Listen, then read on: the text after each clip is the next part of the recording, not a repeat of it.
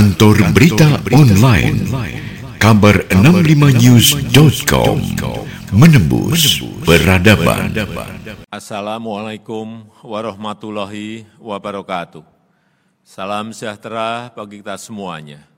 Bapak, Ibu, dan saudara-saudara yang saya hormati, dalam kesempatan yang baik ini saya ingin menyampaikan apresiasi, menyampaikan penghargaan yang tinggi atas capaian 1,3 juta vaksinasi pada hari Sabtu 26 Juni 2021 yang lalu, sehingga lebih cepat dari target 1 juta vaksinasi per hari yang ditetapkan mulai Juli 2021. Hal ini tercapai berkat kerja keras, berkat gotong royong semua pihak, terutama Kementerian Kesehatan, TNI Polri, pemerintah daerah, BUMN, dan pihak swasta yang turut membantu serta masyarakat yang bersedia divaksin.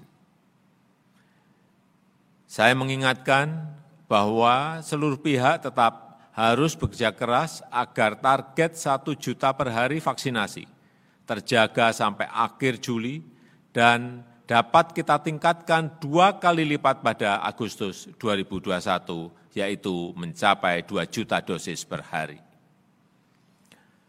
Bapak, Ibu, dan saudara-saudara yang saya hormati, kita juga bersyukur BPOM telah mengeluarkan izin penggunaan darurat atau emergency use authorization untuk vaksin Sinovac yang dinyatakan aman digunakan anak usia 12 sampai 17 tahun.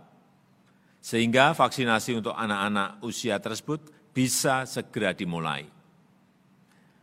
Dan dalam menekan penyebaran COVID-19 ini hanya dapat dilakukan dengan upaya bersama. Untuk itu saya mohon kepada Bapak, Ibu, dan saudara-saudara kita semua untuk tidak ragu divaksinasi dan tetap berdisiplin menjalankan protokol kesehatan, memakai masker, menjaga jarak, mencuci tangan, dan Sekali lagi saya ingatkan, tinggallah di rumah selama tidak ada kebutuhan yang mendesak. Terima kasih. Wassalamualaikum warahmatullahi wabarakatuh.